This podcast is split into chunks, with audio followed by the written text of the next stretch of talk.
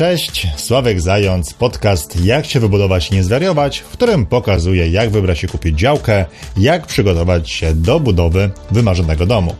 Dzisiaj będzie o galopujących cenach i o tym, czy w ogóle warto budować się w 2021 roku, czy lepiej odłożyć budowę na inny czas. Zapraszam do słuchania. Zapraszam także na mojego bloga do artykułu, w którym umieściłem ten podcast i jego transkrypcję, ponieważ tam doprecyzowałem parę kwestii poruszanych w tym podcaście. Jeżeli marzysz o budowie domu, a zapewne tak jest, skoro słuchasz mojego podcastu, no to z pewnym niepokojem obserwujesz wzrost cen materiałów i robocizny. Czytasz różne artykuły i widzisz, że na przykład styropian, cena styropianu wzrosła o 30% w ciągu kilku miesięcy, stal zbrojeniowa także poszła ostro do góry, wiele, wiele materiałów rzeczywiście podrożało. No i pytanie jest, czy w ogóle się budować, czy lepiej nie poczekać na inny czas. Kilka razy pytaliście mnie, co o tym wszystkim myślę, czy ceny pójdą do dołu, czy będzie coraz gorzej. No i mogę udzielić tylko jednej odpowiedzi, mianowicie nie mam pojęcia i nikt nie wie, co będzie za rok, czy też e, za dwa. Wariantów jest oczywiście kilka. Pierwszy wariant optymistyczny polega na tym, że ceny spadną i ceny materiału wrócą do poziomu na przykład z 2019 lub z początku 2020 roku.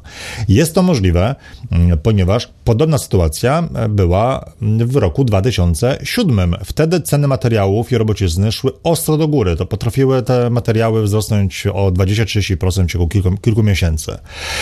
Ludzie nakręcali się sami, no bo jak ceny szły do góry, no to ludzie chcieli kupować materiały, bo bali się, że ceny pójdą jeszcze bardziej do góry, więc hurtownie składy budowlane podnosiły ceny, bo wiedziały o tym, że sprzedadzą wszystko na pniu to zdecydowanie nie był dobry czas na, na budowę. E, no i nie pomagało to, że wiele komentarzy, wiele artykułów straszyło tak naprawdę. E, można było się dowiedzieć, że lepiej już było, że podwyżki są nieuchronne, że trzeba kupować materiały już teraz, bo będzie tylko gorzej. I nagle uspokoiło się. Właściwie z miesiąca na miesiąc ceny materiału zaczęły spadać i mniej więcej w roku 2008 e, ceny materiałów i robocizny wróciły mniej więcej oczywiście do poziomu sprzed dwóch, trzech lat. Czy będzie tak teraz? Oczywiście nie wiem, bo sytuacja jednak na rynku budowlanym jest inna niż te kilkanaście lat temu. Mieliśmy, mamy pandemię, bardzo dużo ludzi chce się budować, więc mamy boom budowlany, więc ceny też przez to rosną. No ale mam cichą nadzieję, że za rok, maksymalnie za dwa, trochę się to wszystko uspokoi. Oczywiście w wariancie pesymistycznym ceny będą szły tylko do góry. Ja staram się na to patrzeć trzeźwo, bo z jednej strony rzeczywiście ceny materiałów budowlanych rosną, ale już wcale nie jest tak oczywiste, że rośnie także cena robocizny, ponieważ znam ekipy, które mają tak naprawdę te same ceny co rok wcześniej.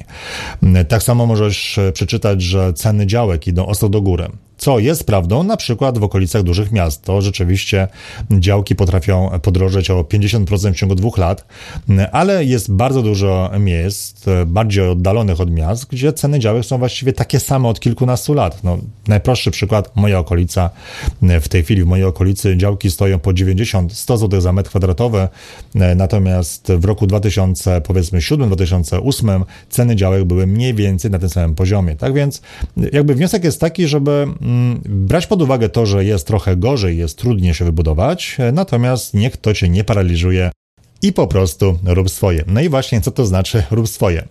E, to w zależności od tego, na jakim jesteś etapie. E, jeżeli dopiero myślisz o budowie domu, tak zastanawiasz się po prostu, że fajnie byłoby się wybudować, to po prostu działaj. W ogóle nie patrz na to, jak wygląda w tej chwili rynek budowlany, jakie są ceny, ponieważ zanim kupisz działkę, zanim będziesz miał projekt budowlany, zanim przejdziesz całą ścieżkę administracyjną, zanim dojdziesz do wyboru wykonawcy, minie jeszcze rok, może nawet dwa, więc sytuacja będzie zupełnie inna niż teraz. W związku z tym przygotuj się do budowy.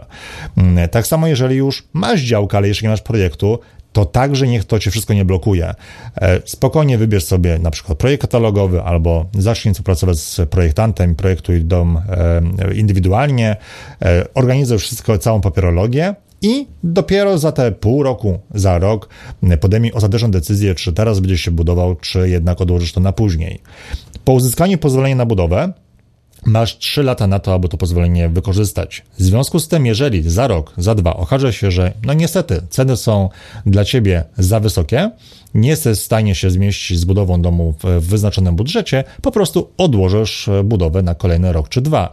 Ale jeżeli poczekasz, będziesz czekał, aż ceny spadną i dopiero wtedy zajmiesz się całą papierologią, no to może być po prostu za późno, tak? Przypuśćmy, za dwa lata ceny spadną, więc będziesz chciał się wszystkim zająć, zaczniesz wtedy szukać działki, zaczniesz organizować projekt, minie, właśnie rok, dwa mniej więcej i znowu rynek może wyglądać zupełnie inaczej. Nie daj Boże, odpukać będzie jakaś inna pandemia, może coś coś innego się wydarzy, że ceny znowu wzrosną i znowu znowu nie zaczniesz budować domu. W związku z tym rada numer jeden jest taka, że jeżeli jesteś przed zakupem działki lub po zakupie działki, ale jeszcze nie masz projektu, po prostu działaj. Jak się okaże, że jednak wszystko jest za drogie, odłożysz budowę na kolejne lata. Możesz też być w innej sytuacji. Możesz już pracować nad projektem budowlanym, może już masz pozwolenie na budowę. No i pytanie jest, czy się już teraz budować, czy jednak czekać. No, przede wszystkim oszacowałbym koszty budowy, czyli na Twoim miejscu zwróciłbym się na przykład do projektanta lub do jakiegoś kosztorysanta, który na podstawie średnich stawek w Twoim województwie oszacuje koszty budowy Twojego domu według danego projektu. Jeżeli okaże się, że koszty będą za wysokie, to zawsze możesz wrócić do projektanta i pomyśleć nad jakimiś rozwiązaniami, które zmniejszą koszty budowy. Najprostsza droga do oszczędności to budowa prostego domu, czyli e, prosta bryła, dach dwuspadowy, być może rezygnacja z garażu bryle domu, rezygnacja z podpiwniczenia, może mniejszy dom. No to są rzeczy, które, e, o które warto zadbać, aby po prostu zaoszczędzić. Czasami trzeba iść na większe kompromisy, ale zawsze trzeba podjąć decyzję w oparciu o Twoją sytuację życiową. No, przykładowo, jeżeli w tej chwili mieszkasz na przykład z rodziną na 40 metrach kwadratowych mm, i planowałeś budowę jakiegoś większego domu, na który Cię niestety nie stać właśnie przez ten wzrost cen, to może jednak warto wybudować dom mniejszy, tak aby z rodziną komfortowo mieszkać e, na przykład na 100 metrach kwadratowych, niż porzucać marzenie o własnym domu i dalej kolejne 2-3 lata mm, mieszkać na tych 40 40 m2. Mm, o tym mówię specjalnie, ponieważ znam kilka osób, które porzuciły marzenie o własnym domu e, tylko dlatego, że trochę za bardzo słuchały rodziny i znajomych mm, i e, no, na początku chcieli budować dom prosty, właśnie 100 metrów kwadratowych, bo wychodzili z założenia, że przecież 100 metrów to jest całkiem duża powierzchnia, a potem nasłuchali się rodziny, znajomych, że przecież to 100 metrów co to jest, to jest za mało, co oni kurnik budują, E, dorzućcie jeszcze tutaj dwa pokoje, bo nie wiadomo, co będzie w przyszłości. Dorzućcie pokój dla gości, może jakiś pokój na, nie wiem, na stół bilardowy, tak. Jeszcze dodatkowo garaż dla domu. No i jak wszystko to sobie doliczyli, no to tych metrów wyszło na przykład 180, no i okazało się, że absolutnie nie stać na tą budowę domu i zamiast wybudować dom mniejszy, w ogóle z budowy zrezygnowali. Kolejna rada dotyczy tego, żeby się nie przejmować za bardzo tym wzrostem cen. Mm, oprócz tego, że ceny będą wyglądały zupełnie inaczej, gdy się zaczniesz budować, mm, chodzi o to, że na koszt budowy wpływa bardzo wiele czynników. Jeżeli na przykład usłyszysz, że styropian wzrósł o 30% w ciągu kilku miesięcy, no to brzmi to oczywiście przerażająco, ale koszt styropianu to jest tylko jakaś, jakiś ułamek kosztu twojego domu. Wzrost ceny styropianu o 30% może oznaczać, że na cały styropian wydasz na przykład 4000 zł więcej, co oczywiście no, to jest dużo pieniędzy, ale w skali całego budynku oznacza to, że wydasz na, na budowę na przykład tylko o 0,5% więcej. Jasne, że rośnie cena styropianu, rośnie cena stali zbrojeniowej, rośnie cena innych materiałów, ale też wiele materiałów jest na tym samym poziomie co rok czy dwa lata wcześniej, lub te ceny zmieniły się nieznacznie. Tak więc koszty budowy domu rzeczywiście wzrosły, natomiast nie są to aż takie bardzo duże wartości, jakby się wydawało na pierwszy rzut oka. Drugą sprawą jest wzrost cen robocizny. Być może słyszałeś o tym, że wykonawcy mają żniwa, że wykorzystują boom budowlany, podnoszą ceny, bo wiedzą, że inwestorzy zgodzą się na wszystko.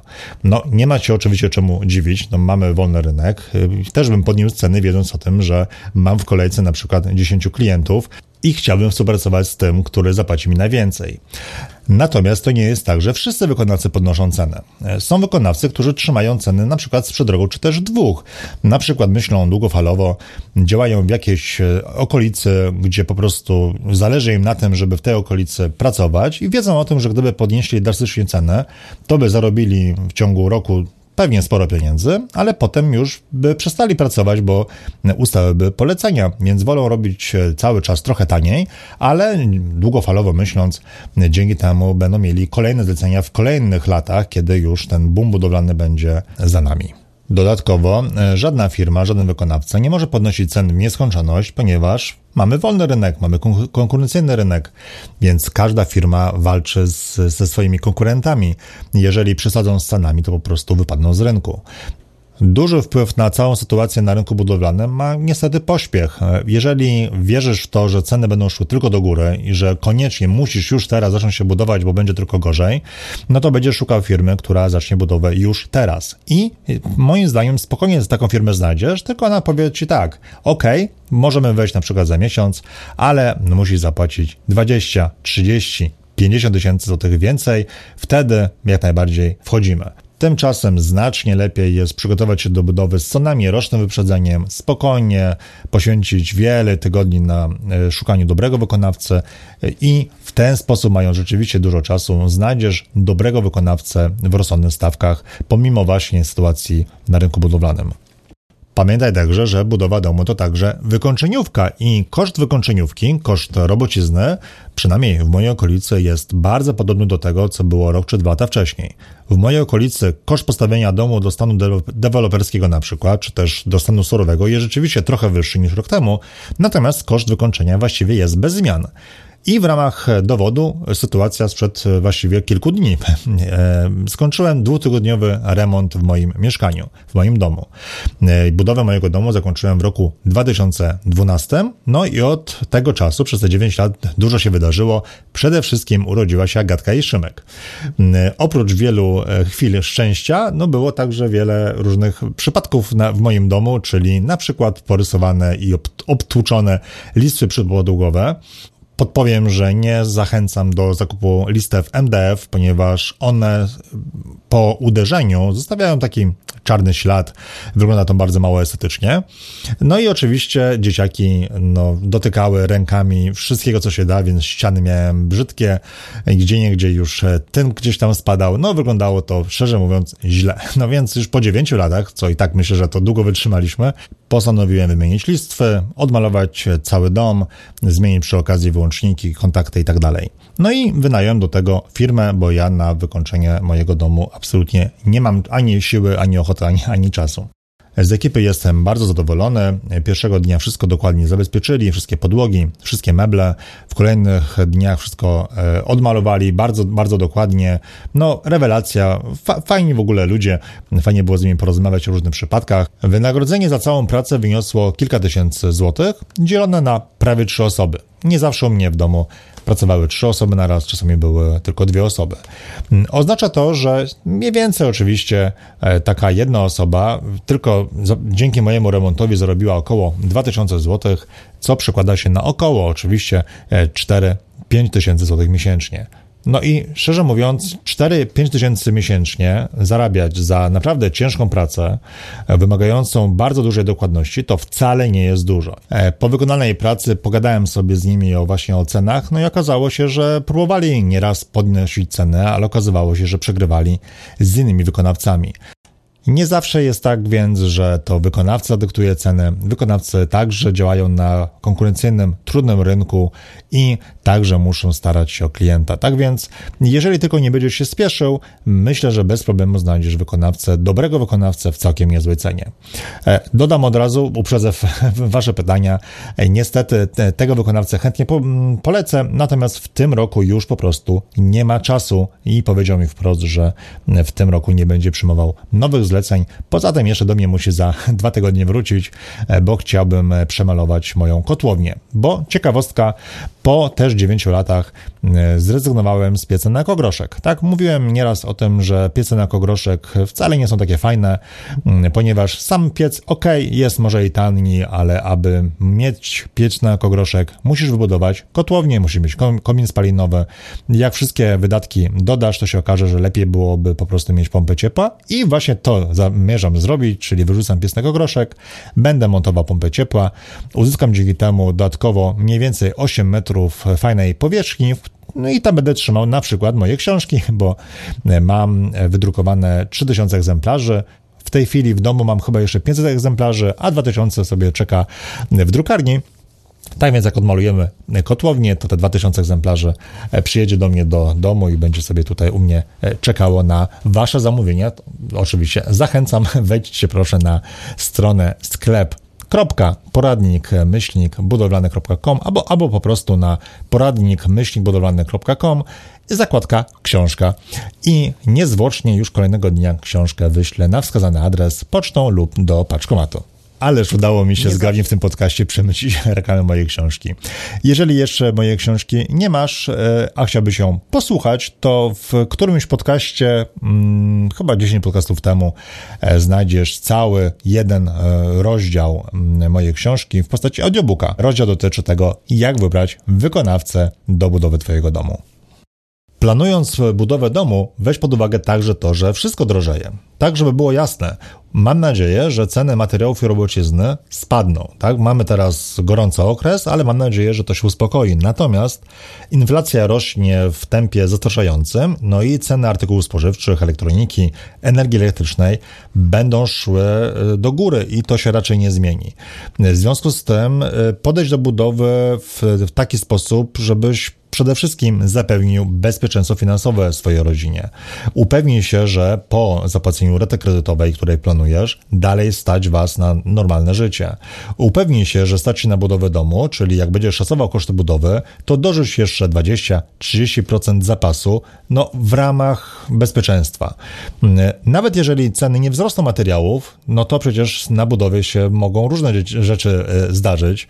Może coś ktoś przegapił, może podejmiesz jakąś inną decyzję, może zmienisz plany, no i nagle te koszty po prostu wzrosną. Może też być tak, że to podczas wykończeniówki okaże się, że no, masz jakieś inne pomysły, bo chcesz na przykład wykończyć dom w innym standardzie, będziesz wybierał inne materiały, no i po prostu te koszty będą wyższe. W związku z tym lepiej przed budową domu założyć taki wariant bardzo pesymistyczny, że wydasz po prostu 30% więcej. Wydasz mniej, rewelacja, tak? No ale jeżeli wydałbyś więcej, no to lepiej być na to przygotowany i nigdy nie zaczynaj budowy, będąc takim, będąc takim święcie przekonanym, że przecież tam wszystko ci starczy, bo już wiele osób się na tym przejechało. E, ja także czasami jestem niepoprawnym optymistą, ale no, bez przesady. Na koniec parę słów o programie rządowym Polski Ład, który ma umożliwić budowę domów na zgłoszenie do powierzchni zabudowy 70 m2. No i skoro ceny rosną materiałów budowlanych, no to sporo ludzi widzę interesuje się tym zagadnieniem nie dziwię się, budowa takiego domu może być rzeczywiście bardzo interesująca. Natomiast dla mnie ten program rządowy jeszcze nie zasłuży na mój komentarz, ponieważ jeszcze nic nie wiadomo. Jest za dużo niewiadomych. Słyszymy o tym, że możemy wybudować taki dom bez dziennika budowy, kierownika budowy, że musi być ten dom mieć dach płaski, ale jednocześnie może być ten dom z poddaszem użytkowym e, o powierzchni 20 m2. No jest zbyt dużo znaków zapytania. Poczekamy na jakąś ustawę, wtedy będzie można coś powiedzieć. Dodam tylko, że 70 m2 powierzchni zabudowy oznacza, że powierzchnia użytkowa w takim domu będzie oczywiście o wiele mniejsza, ponieważ odejdzie izolacja, odejdą ściany nośne, odejdą ściany działowe, tak więc no, taki dom będzie miał mniej więcej 50-55 metrów kwadratowych. Po drugie, te wszystkie usprawnienia, ułatwienia wcale nie obniżą jakoś znacząco kosztów budowy. Przede wszystkim nie wyobrażam sobie budowy domu bez kierownika budowy, dla mnie to jakiś absurd. Natomiast no, sama budowa domu na zgłoszenie wcale nie jest tańsza. Dalej musisz mieć projekt budowlany, musisz mieć projektanta, musisz wszystkie dokumenty zdobyć, tak dalej, tak dalej. I jedyną korzyścią, którą osiągniesz, to być może będzie możliwość szybszego rozpoczęcia budowy co wcale nie jest tak oczywiste, bo teraz też możesz budować w niektórych przypadkach dom na zgłoszenie. Trzeba po prostu spełnić parę warunków i często okazuje się, że to pozwolenie na budowę uzyskasz e, szybciej. Poza tym e, pozwolenie jest bardziej pewne. Jeżeli podczas budowy na zgłoszenie e, będziesz chciał coś nanieść w projekcie, nanieść tak zwaną zmianę istotną, to będziesz musiał i tak postarać się o pozwolenie na budowę, więc lepiej to chyba zrobić od razu, co zresztą polecam wszędzie w moich materiałach. W związku z tym ta budowa domu do 70 m2 na zgłoszenie moim zdaniem wiele nie zmieni, ale poczekajmy na jakąś ustawę, poczekajmy na więcej faktów, danych, liczb, aby się móc do tego odnieść, więc tutaj tylko w tym podcaście krótko skomentowałem. Na koniec jeszcze o samym podcaście, bo jak słuchałeś poprzednich moich odcinków, no to wiesz, że się bardzo wahałem, czy w podcaście zawierać także zapis audio moich filmów na YouTubie. I raz mówiłem, że tak, raz, że nie i tak wahałem się niesamowicie. No i dostałem od Was kilka wiadomości, za które serdecznie dziękuję. Przede wszystkim narzekaliście na to, że odcinków podcastu jest za mało. Wiem o tym, staram się. A po drugie, daliście mi znać, że bardzo fajnie byłoby, gdyby w podcasty zawierały także moje filmy na YouTubie, bo po prostu łatwiej jest podczas spaceru e, czy też jazdy samochodem odtworzyć sobie podcast e, niż odtwarzać film na YouTubie, e, który jest po prostu mniej wygodniejszy, no i zżera większy transfer. Tak więc już za tydzień będzie zapis moich dwóch filmów, które są na YouTubie. Temat to, co byś zrobił, gdybyś się budował drugi raz. Będzie to ponad godzinny podcast, no bo na YouTubie są dwa filmy po pół godziny, w podcaście to zrobię jako jeden dłuższy odcinek. No i tak to będzie wyglądało, że raz na jakiś czas będzie po prostu taki podcast jak dzisiaj, kiedy jest tylko podcast, a czasami będzie to zapis z mojego kanału na YouTubie. Na początku każdego podcastu będę uprzedzał o tym, że to jest właśnie nagranie z YouTube'a, tak żeby ktoś, kto mnie już oglądał, mógł sobie szybko przełączyć odcinek i obejrzeć coś innego. Dzięki temu prostemu trikowi podcastów będzie więcej. No, więc wielkie jeszcze raz dzięki za wszystkie komentarze. Jeżeli chcesz napisać do mnie wiadomość, wejdź na poradnikmyślnikbudowlany.com e, lub po prostu napisz na sławek małpa poradnik-budowlany.com. E, naprawdę każdy komentarz jest dla mnie na wagę złota, bo dzięki temu, że piszecie do mnie maile, wiem, że ktoś mnie słucha i to mnie też motywuje do tego, żeby nagrywać więcej. No, tak to działa. Wielkie dzięki, miłego dnia, do usłyszenia, Sławek Zając.